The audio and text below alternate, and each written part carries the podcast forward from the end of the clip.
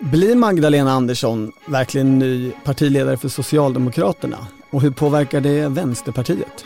Det ska vi prata om, men vi ska också prata om att den eviga kampen mellan Norge och Sverige står just nu 1-0.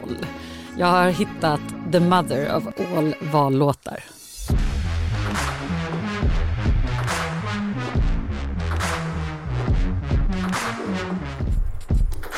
Det här är Politiken med Annie Reuterskiöld, Maggie Strandberg och Torbjörn Nilsson. Torbjörn, du hade ju en text i tidningen i fredags som som vanligt var väldigt välskriven. Eh, Tack. Men, men, mm. Nej, men du skriver så här, det här är inte över, det har inte ens börjat. Och det handlar ju om Magdalena Andersson och huruvida hon eh, kommer bli nästa partiordförande. Ja, precis.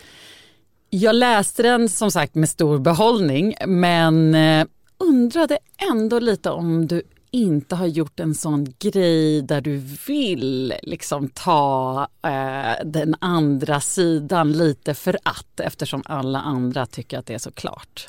Jo men så är det ju lite. Ja. eh, det, det, det har ju ett egenvärde att vara motvalls. Eh, särskilt när saker och ting framstår som så enkla och, och alla tänker och skriver ungefär likadant.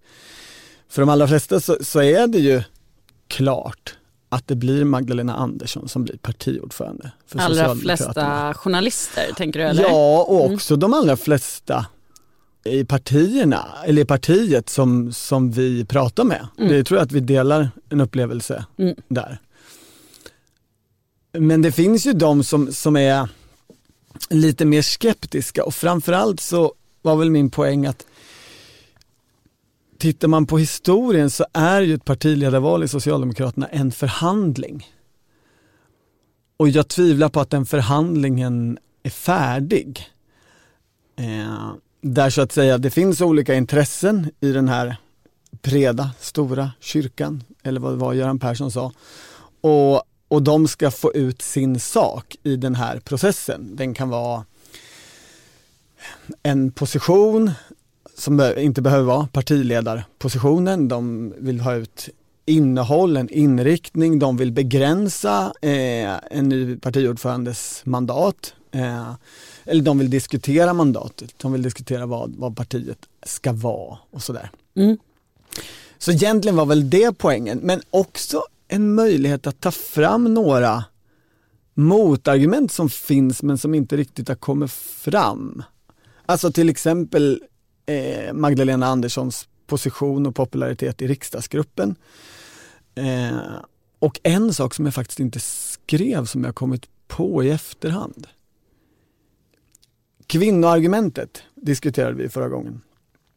Och det, man kan ju förstå att de vill ha en kvinna som partiledare som också kan bli Sveriges första kvinnliga statsminister. Eller hur? Mm, absolut. Mm.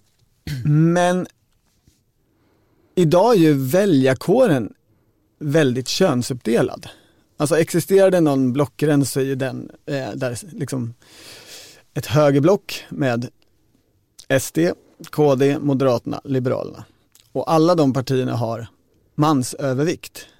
Eh, Medan partierna på andra sidan den här blockgränsen, om det nu finns, eh, men det ser ut så just nu, de har kvinnliga väljare i övervikt. Så från ett rent väljarperspektiv, valperspektiv, hur får vi flest väljare? Det handlar ju alltid om att dra människor över en blockgräns, hur man vinner makten. Är det då strategiskt klokast om man och alla ens koalitionspartner har kvinnliga partiledare eh, och har kvinnor i övervikt redan, är det då det smartaste att välja en kvinna till? Mm. Det beror ju på hur man ser det. Eh, för att om man som parti ser det som lite lost cause med de här manliga LO-medlemmarna till exempel. Ja. Alltså att man kommer ha väldigt svårt att vinna tillbaka dem. Då kan ju eh, prion ligga på att hålla kvar de LO-kvinnor man har till exempel. Verkligen. Sen men, kan men man du tänker ju identitetspolitiskt. Ja, här, det här är superidentitetspolitiskt, ja, riktigt. För att det jag tänker att eh, en, en centralt placerad källa som jag pratade med eh, tryckte just på hennes stora intresse för välfärdsfrågor och att hon alltid driver dem. Att, att de skulle vara Eh, centrala för henne. Eh, så kan man också tänka sig att man vinner manliga eh, väljare. Alltså även om det är en eh, traditionellt eh, kvinnofråga om man tittar på väljare. Så om man gör analysen eh, att SD vinner väljare på grund av missnöje eh, så skulle man ju då kunna tänka sig att man vinner tillbaka väljare om man gör det bättre i välfärden till exempel. Absolut. Och hela det här argumentet jag drog bygger ju på hypotesen att kvinnor röstar hellre på kvinnor eller att män, kanske framförallt den hypotesen, att män inte gärna röstar på kvinnor. Och den hypotesen går ju absolut att diskutera. Jag är mer förvånad över att den här aspekten inte alls har tagits upp i argumentation i offentligheten. Ja men det här med att det, att det inte är helt friktionsfritt, det får jag ju ändå ge dig. För att det är ju, jag hörde till exempel, eh, vad ska man säga, ett skvaller. Men mm. skvaller kan vara farliga i eh, sådana här partier. Det har vi eh, Särskilt i partiledarprocesser. Precis. Och då har det varit, enligt den som jag pratade med, då, ett eh, ett rykte inom SSU att eh, Ardalan Shekarabi ska ha eh, börjat formera någon typ av motstånd mot Stefan Löfven om han inte skulle avgå. Mm -hmm. Alltså någon typ av utmanande eh, ja, ansamling eh, för att man inte tyckte då att Stefan Löfven kunde sitta kvar. Det här är ju som sagt helt i princip taget ur luften. Får man, man får hantera det som det. Eh, men eh, poängen med det här är att sådana rykten eh, nådde då den här personen jag pratade med och den personen sa att ja, då har det nått Stefan Löfven också, för det är så det funkar. Och det är ju indikationer för en partiordförande när det börjas snackas, oavsett sanningshalten nästan, så är mm. det liksom eh, någonting som vi kan visa på att nu måste man antingen göra någonting väldigt eh, ja, radikalt eller avgå. Det är också intressant, SSU har ju under minst ett år varit synnerligen kritiska till Stefan Löfven. Men aldrig på ett sätt där man har sett att de har haft en kandidat. Så Nej. i den miljön är de här skvalleruppgifterna intressanta. Ni lyssnar ju på politiken, men ett hett tips är att också lyssna på Dagens Story som är Svenska Dagbladets nyhetspodd. Ett ämne 15 minuter varje vardag. En rätt intensiv vecka. En rätt intensiv vecka. En rätt intensiv vecka. Veckan. Veckan. Du kan ju faktiskt vara Magdalena Anderssons bästa vän just nu. Eh, möjligen. Eftersom det inte är strategiskt särskilt bra för henne om det framstår som att allt är klart redan nu. Nej, Nej det är ju ett, ofta ett dilemma. Eh, samtidigt så kan det vara skönt med att det finns en tydlig successionsordning sen tänker jag vartefter. Alltså att hon kanske är den självklara kandidaten. Vi får se. Mm. Alltså hon ska ju först eh, säga vad hon vill. Ja, det återstår ju att se även om mycket eh, kanske pekar mot att eh, eh, hon är intresserad. Men jag tänkte det är roligt att du nämner det här med den här eh, debatten om kön som vi pratade om. Eh, då är det ju så, ja då skulle hon välj, väljas för att hon är eh, kvinna eller trots att hon är kvinna. Jag tänker att en annan aspekt som inte alls har tagits upp är att hon skulle väljas trots sin kompetens. Eh, det låter kanske lite konstigt, eh, men om man tittar på hur partier fungerar så är det ju ett jäkla rackarspel om platserna i ett parti. Ja. Eh, och det här liksom nollsummespelet där någon vinner så måste någon annan förlora har jag i alla fall många gånger fått förklarat för mig just inifrån Socialdemokraterna men också andra partier att det kan också vara eh, tvärt emot en konkurrensfördel. Hur säger man det? Det kan vara dåligt om man kan saker för mycket, om man är kompetent. Ja, för att man ses som ett hot om de här eh, platserna, eh, topppositionerna i partiet. Så man skulle också kunna säga att hon liksom har eh, kämpat eh, i motvind på grund av sin kompetens men ändå då hamnat här i, i eh, toppskiktet. Vad tror du om den? Ja, men det är en spännande tanke. Tittar man på Magdalena Anderssons karriär så, så ligger det ju mycket i den. Alltså hon har ju inte framträtt som jag söker folkets förtroende, jag vill bli riksdagsledamot, jag vill skriva debattartiklar och eh, hålla tal och få folkets kärlek. Hon har ju jobbat på inne i korridorerna och så att säga smugit fram till partiledarposten bakvägen på sitt sätt. Precis, och då är du inne på en... Där hon inte behövt utgöra ett hot mot de här som, som söker eh, förtroendeuppdragen. Exakt. Och då är du också inne på en intressant eh, aspekt av det här. För jag funderade lite på hur det skulle låta om Magdalena Andersson höll ett politiskt brandtal.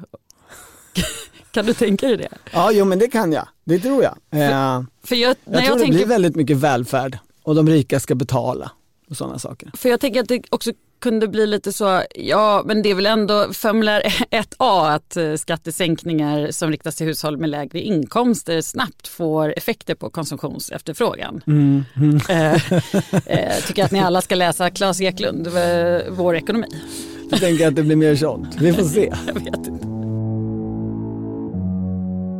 Vi har alltså nått punkten nytt från Torbjörn Nilssons bibliotek.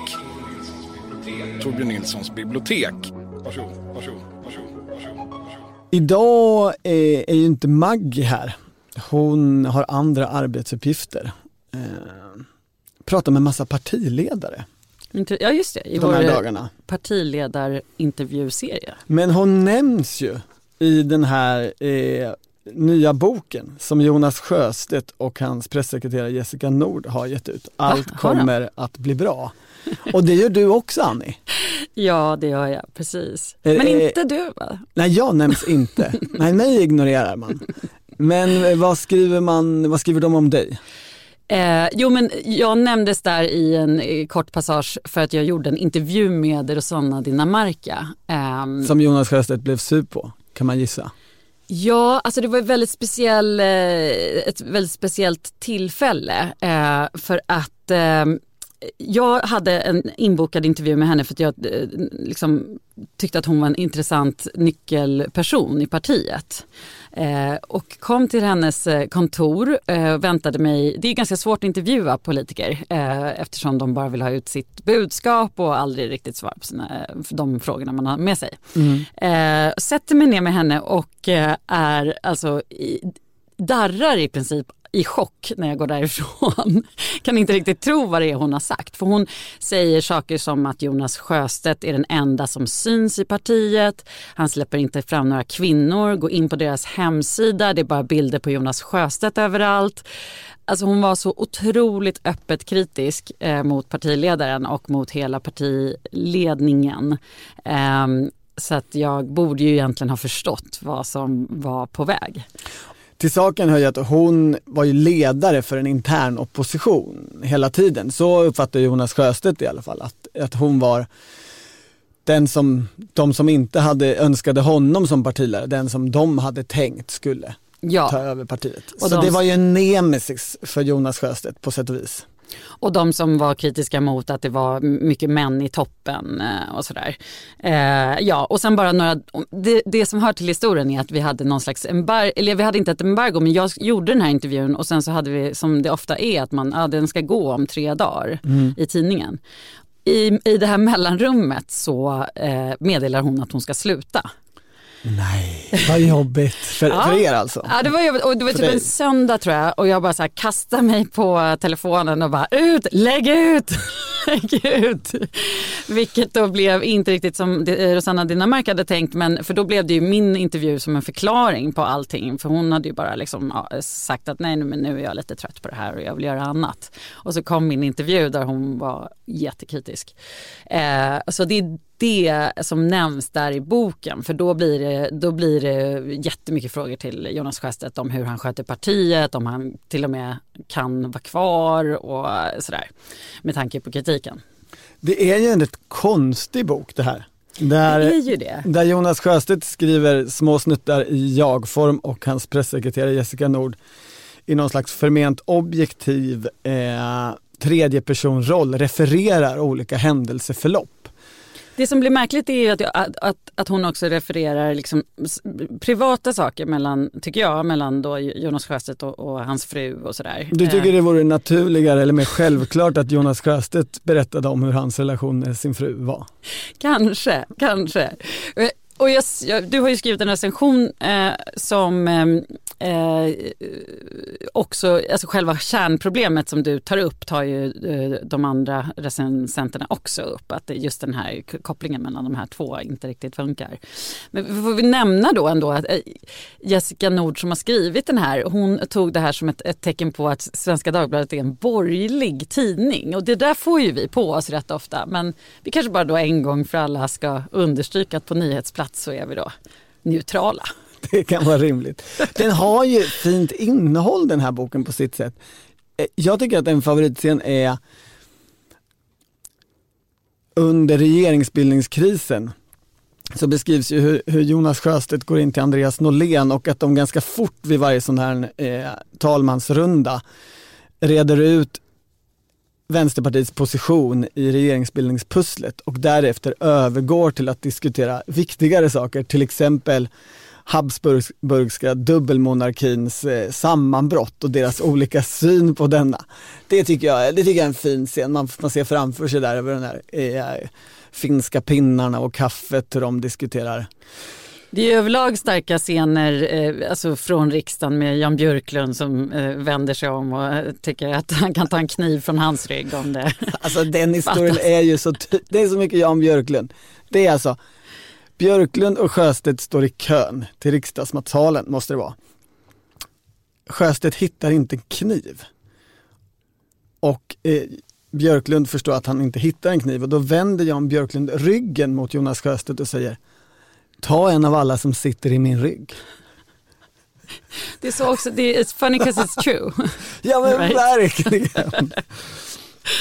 Ja. Men huvudpoängen i boken är ju en sårig, bitter ska man nog inte säga, men besviken, eh, sorgsen eh, relation till Stefan Löfven och Socialdemokraterna.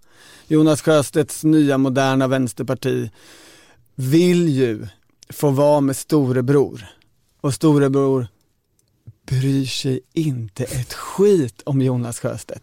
Då- Löfven bara ignorerar honom, lyssnar inte på honom.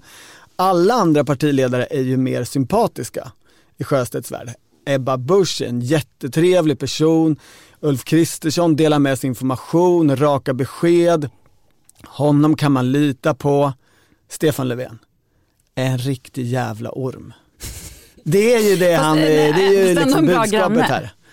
Ja, kanske det, men, men, men det räcker ju inte och det, det tänker jag är det Sjöstedt vill ha ut av den här boken. Eh, Och då ska man ändå veta att Sjöstedt internt i Vänsterpartiet ansågs ju och kanske fortfarande anses till höger i Vänsterpartiet. Då. i, I frågan om relationen till Socialdemokraterna, att, Mm. du menar att Nooshi Dadgostar är liksom mer hård mot sossarna, kommer vara mer hård mot Ja, sossarna? ja men precis och eh, gör ju sossarna mycket mer nervösa. Mycket mer nervösa än eh, de, de kände ju att de visste vad de hade Jonas Sjöstedt på något sätt och, och att de visste på något sätt att han inte skulle fucka upp för mycket för sossarna. Men antag då att eh, Stefan Löfven försvinner, eller det behöver vi inte anta, det är ju fakta. Eh, antag att eh, Magdalena Andersson blir partiordförande. Hur, hur påverkar det den här relationen mellan Socialdemokraterna och Vänsterpartiet, tänker du? Ja, han har ju sagt i intervjuer, Jonas Sjöstedt, att vi kunde alltid lita på Magdalena Andersson och sådär. Och det blir ju liksom i kontrast till Stefan Löfven på något sätt. Man har ju också hört att personkemin liksom har funkat mellan Magdalena Andersson och Ulla Andersson i förhandlingar och sådär. Men Ja, för jag, det skriver han här på ett tillfälle att det är tyst, Socialdemokraterna säger ingenting, de vägrar kommunicera. Men linan mellan Ulla och Magda är alltid öppen. Där funkade alltid, där flöt alltid information på något sätt. Precis, så det, det kan man tänka sig att ha. Och personkemi är ju en viktig del i politiken, alltid. Eh, men det blir, om det blir Magdalena Andersson så blir det ju mer av samma. Så att de politiska eh, svårigheterna kommer ju finnas kvar. Och jag tror att eh, för Vänsterpartiet, eller alltså svårigheterna kommer bli större för Socialdemokraterna än för Vänsterpartiet. De kör ju på samma strategi som de har gjort hela tiden. Vänsterpartiet. Mm. Och någonstans krockar det här. Och den beskriver han ju i boken också, eller hur? Den här med att plocka ner eh, Sverige, alltså plocka eh, tillsammans, att man ska kunna eh, tillsammans med Sverigedemokraterna plocka ner januariavtalet. Ja, han beskriver ju också en sak som man har hört från Vänsterpartiets verkställande utskott, nämligen insikten från vänster om att ska vi ha någon, ska vi kunna stå emot det de kallar blåbrun koalition så måste liberaler och vänster samla sig. Alltså en, en önskan om att, eller en insikt om att så här, Annie Lööfs ekonomiska politik tycker vi är värdelös, men vi måste samarbeta med Annie Lööf. Jag är inte helt säker på att hela Vänsterpartiets verkställande utskott vill det lika intensivt eller drar den slutsatsen lika starkt att detta är en nödvändighet i vår tid. Så det tänker jag ska bli spännande att se. Mm. För, en, för en del av vänsterpartisterna så finns ju det där som det större målet. Ja, vi, vi, ska, visa, vi ska visa som man gjorde nu med hyrorna att vårt ord är viktigt. Men det långsiktiga målet är att vi ska samarbeta eller förhandla med också Centerpartiet. Ja, och det, det som, vi hade ju en, en eh, intervju med Nooshi Dadgostar i tidningen idag eh, som, där hon ändå fortsätter på den här Eh, linjen att man inte kan räkna med det stöd såklart för budgeten. Det vore ju politiskt självmord att göra någonting annat. Men det är ju ändå, jag, jag uppfattar det som att vänsterpartister just nu sitter ganska lugnt i båten. De känner att de har ett ganska bra eh, läge och att det är absolut ingen omöjlighet att eh, rösta ner budgeten. Um, alltså en, en rödgrön budget. Men där hamnar de ju i ett lite lustigt läge med tanke på Jonas Sjöstedt. För han var ju väldigt hård mot Centerpartiet och Liberalerna när de gjorde precis så. När de mm. eh, hjälpte en rödgrön regering till makten men sen röstade ner eh, den ekonomiska politiken. När de bröt budgetpraxisen så att ja. säga. Mm. Så ja, men det har vi ju lärt oss att eh, ingenting gäller ju mer än någon månad nu för tiden. Och det som gäller är att det kommer bli jobbigt för den nya socialdemokratiska partiledaren. Precis. Det är ju där problemen ligger mer än hos Nooshi Dadgostar. Grattis Magda. I play football because I'm the best in playing football. I don't do politics. Annie, du har ju mentalt rört dig över kölen senaste veckan. Eh, för det är ju val 13 september i Norge. Och du har gjort en, en upptäckt. Har kan jag. inte du berätta om din eh, skatten du har funnit? jag har hittat the mother of all vallåtar tror jag. Är det sant? Ja. Eh, sprang på den på Twitter och sen dess är inget sig likt i mitt liv. För jag har också börjat eh, göra mycket research eh, runt den här låten och ser att det är en hel värld bakom. Oh. Mm. Öppna upp den för oss, berätta. Det handlar om Ung Vänstre och eh, i Norge är allting upp och ner. Så Vänstre är ju ett liberalt parti. Just det. Eh, och det här är deras ungdomsförbund. Ja. Eh, kan man ju också bara nämna lite att eh, Vänstre är ju då svenska Centerpartiets eh, systerparti. Just det. Men de eh, samarbetar med Vänsterpartiet i Norge. Det är bara en liten sån kuriosa. Eh, de, eh, deras ungdomsförbund har i alla fall då eh, gjort en fantastisk, eh, på ett sätt, vallåt. Och den här låten heter? Digg och vare liberal. Digg och vare liberal. Ja, ja visst. Mm. Och vad är storheten med den här mm, låten? men alltså, ska, ja, vi, vi, kan lyssna lite och sen så kan jag fortsätta berätta.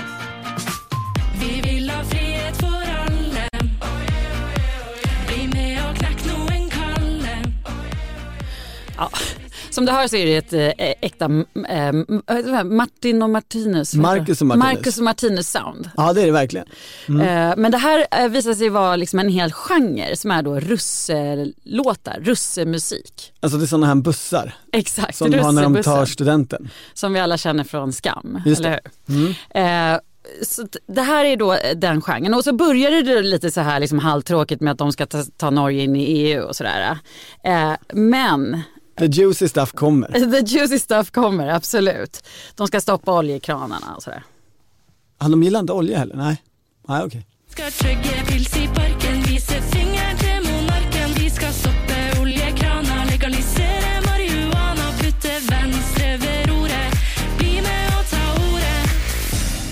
Ja, du hör ju. Ja, ja, ja, visst. Mm. Det är en catchy refräng. Men det börjar ju då eh, med en, sen kommer, fortsätter det med en väldigt fin eh, refräng.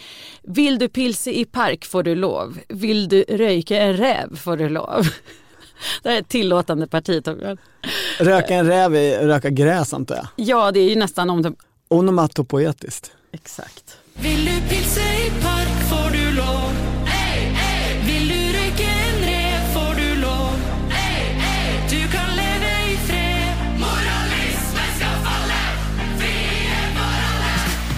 Och sen eh, så fortsätter de ju här då eh, och blir eh, nästan, eh, ja, det är nästan så att jag inte kan, eh, jag kan säga det på norska för det inte, känns inte lika Okej, okej.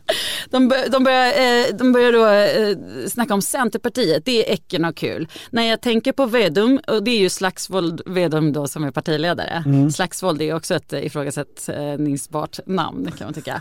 Eh, när jag tänker på Vedum vill jag icke pool. Ja. Ja. Jag förstår. Mm. Eh, och han stinker gris och sådär. Och, det- och det har de ju faktiskt fått eh, kritik för. Så det först de- är, är är det en, en bred knarkliberal front och därefter kommer eh, fullständiga förolämpningar av alla andra eh, partier. Precis så. Senterpartiet er ikke noe kul når jeg tenker på Vedum, så vil jeg ikke pu... Hvem vil ha noen som stinker gris? Nei, gi meg heller en digg UV-kis. MDG lover utslippsstopp, men i rød-grønn styre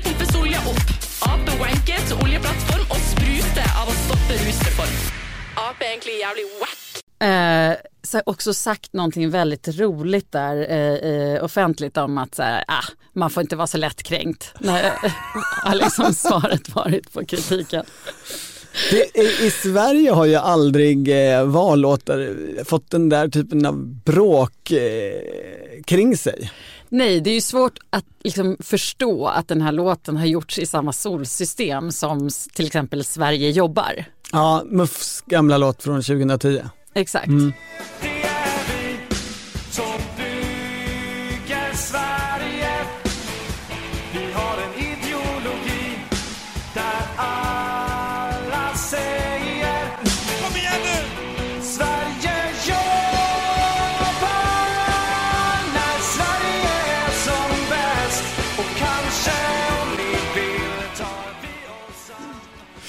Ja, det här var ju ett, ett liveklipp vi lyssnar på. Jag vill bara något säga att jag var där när detta historiska hände, att den här låten uruppfördes eh, i Norrköping tror jag det var.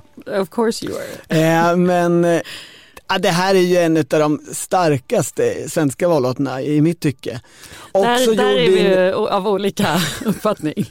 också gjorde en fantastisk coverversion av eh, Neo-redaktionen. Alltså på den tiden borgerliga debattörerna eh, Mattias Svensson, Paulina Neuding och Johan Ingerö eh, tyckte en och samma sak eh, innan flyktingbråk och, och kulturkrig och Galtan och allt vad det är. Så gjorde de ju en akustisk version i, i, eh, med fantastiska falsettinslag. Det låter Eftersom de blev så irriterade över den här idén att ideologin som de sjunger i, i den här låten Muff, att vi har en ideologi, ideologi som går ut på att det Sverige är bra när Sverige jobbar. De tyckte nog att det var lite tunn ideologisk tanke så att säga. Jag tänker att det, i Sverige så finns det två kategorier av vallåtar. Det finns en som är väldigt explicit, alltså i princip valmanifestord och rösta på X-parti.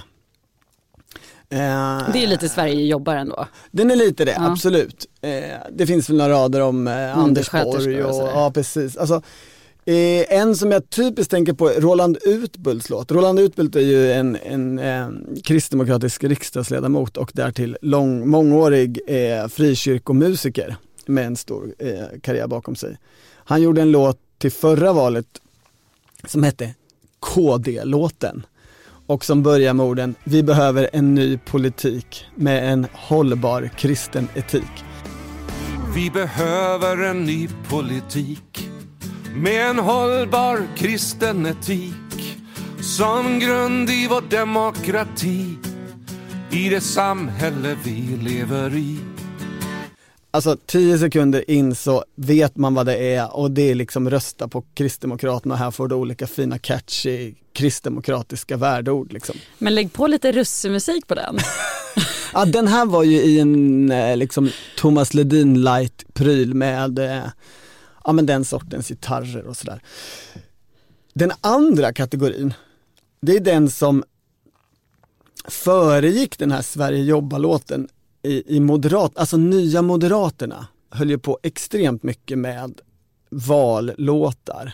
Per Schlingmann hade långa teorier om hur vallåtar skulle vara. Och hans grej byggde ju på att det ska inte vara ett partinamn med, det ska inte finnas ett ord som liksom får en att påminnas om partipolitik, utan att det bara Alltså, ska, ska vara, känna det ska vara en bara. känsla.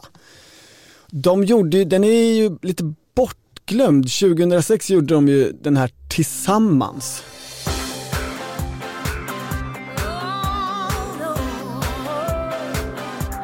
Oh, Kom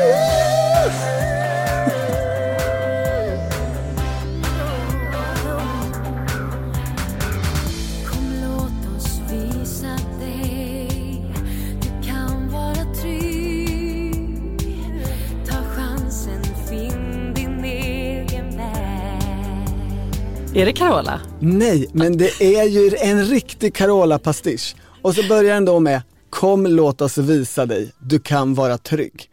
Det är ju, Det låter som vi ska ha ett maktskifte fast liksom omvänt. Det är inte farligt att sluta rösta på Socialdemokraterna. Kom låt oss visa dig, du Just det. kan vara trygg. Och sen kommer liksom en refräng med så här, vi tror, vi hoppas på framtiden, låt oss göra det igen. Vi tror, vi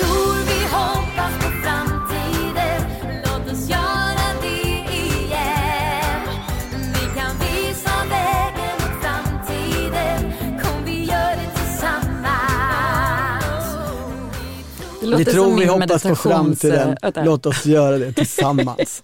Kom vi gör det tillsammans till och med det. Det, det är ju otroligt in- inkluderande. Kom och rösta på nya Moderaterna, vi är inte farliga. Men det här du kan vara trygg, det är otroligt effektivt. Det har jag i min eh, meditationsapp eh, för, att man ska kunna somna. You are safe. Per Schlingmann måste också haft den appen. I vilket fall, när de sen ska bli återvalda 2010 så gör de ju den här Jag flyter med Wille Crawford och Mange Schmidt och den går ju helt och hållet, den har heller bara, den har också bara värde och känsloord. Och Är den lite huvud- så skön kille Ja det är det ju. Den är inte alls något Carola. Eh, men den går ju bara ut på, om det funkar, låt det funka. Rösta inte på något nytt farligt dumt, utan det funkar ju med Fredrik, välj om honom nu. Men man säger aldrig Fredrik, man säger inte Moderaterna, man säger ingenting som har med politik att göra.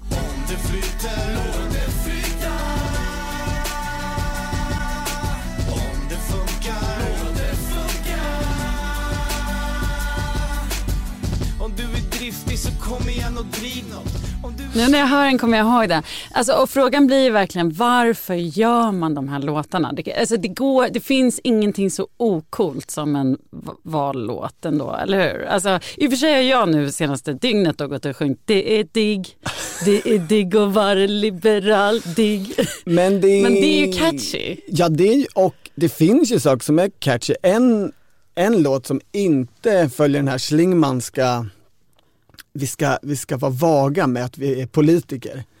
är ju... Ni lurar ingen kan Nej, man säga. nej det, det ligger ju väldigt mycket i det. det den här Carola-pastischen tillsammans, den hade ju verkligen kunnat gå upp på några listor och bli en, en riktig låt men, men det går ju inte med, det händer ju inte med Moderaterna som avsändare ändå. Exakt.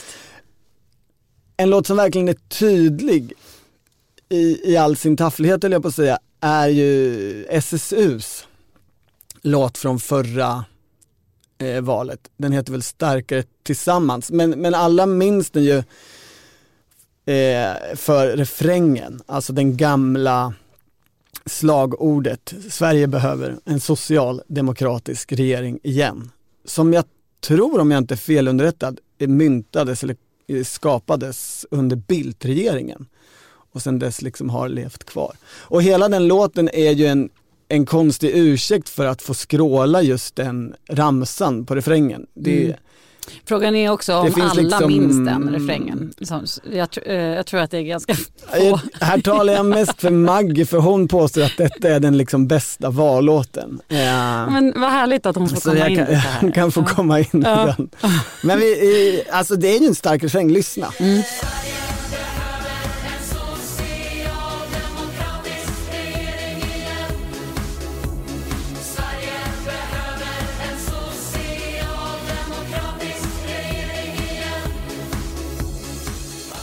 Men vi har ju ett parti i riksdagen som eh, skiljer ut sig lite grann på ett sätt och det är ju Sverigedemokraterna eh, på många sätt. Ja. Men, men också för att de i ledningen eh, har ju ett eget, Jimmy Åkesson har ett band Ja. och jag tror att, att det finns fler band, alltså, eller är Joms, Richard Jomshoff, är de samma band eller? Nej, Han är nej ju det är de väl inte. Och och- sen har ju Linus Bylund som har varit in och ut som ledande tjänsteman, han är ju gammal sångare i något i, i ett band som jag tror hette Korpöga, eller heter, och i, då är i den, kanske inte för alla välkända genren, vikingarock.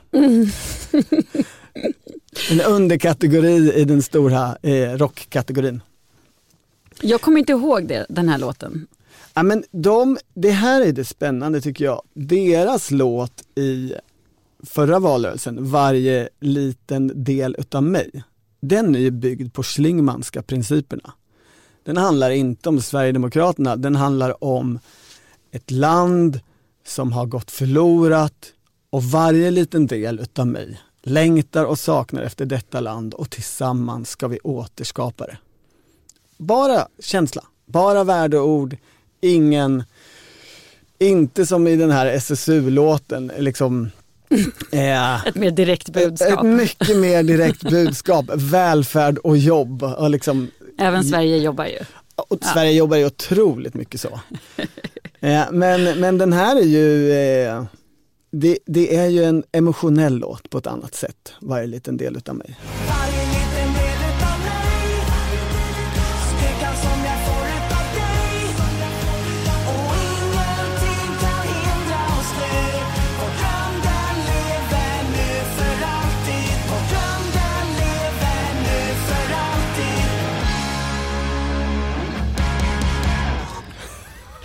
Det här... Det är, det är här- mycket distade gitarrer i, i de flesta av de här låtarna. Alltså Ja. dålig dist, sån här lång, långt bak i bakgrunden dist. Alltså jag saknar, eh, det är digg att vara, eh, vara liberal. Du tycker den ändå slår Jag alla tycker, svenska jag tycker den slår. Vi lyssnar, jag tycker att vi lyssnar lite till och eh, säger hej då för idag. Eh, Eller hur? Absolut. Eh, ta inte det här budskapet som poddens budskap. Nej, Eh, absolut men eh, tänk på att norrmännen är den sista någonting-staten.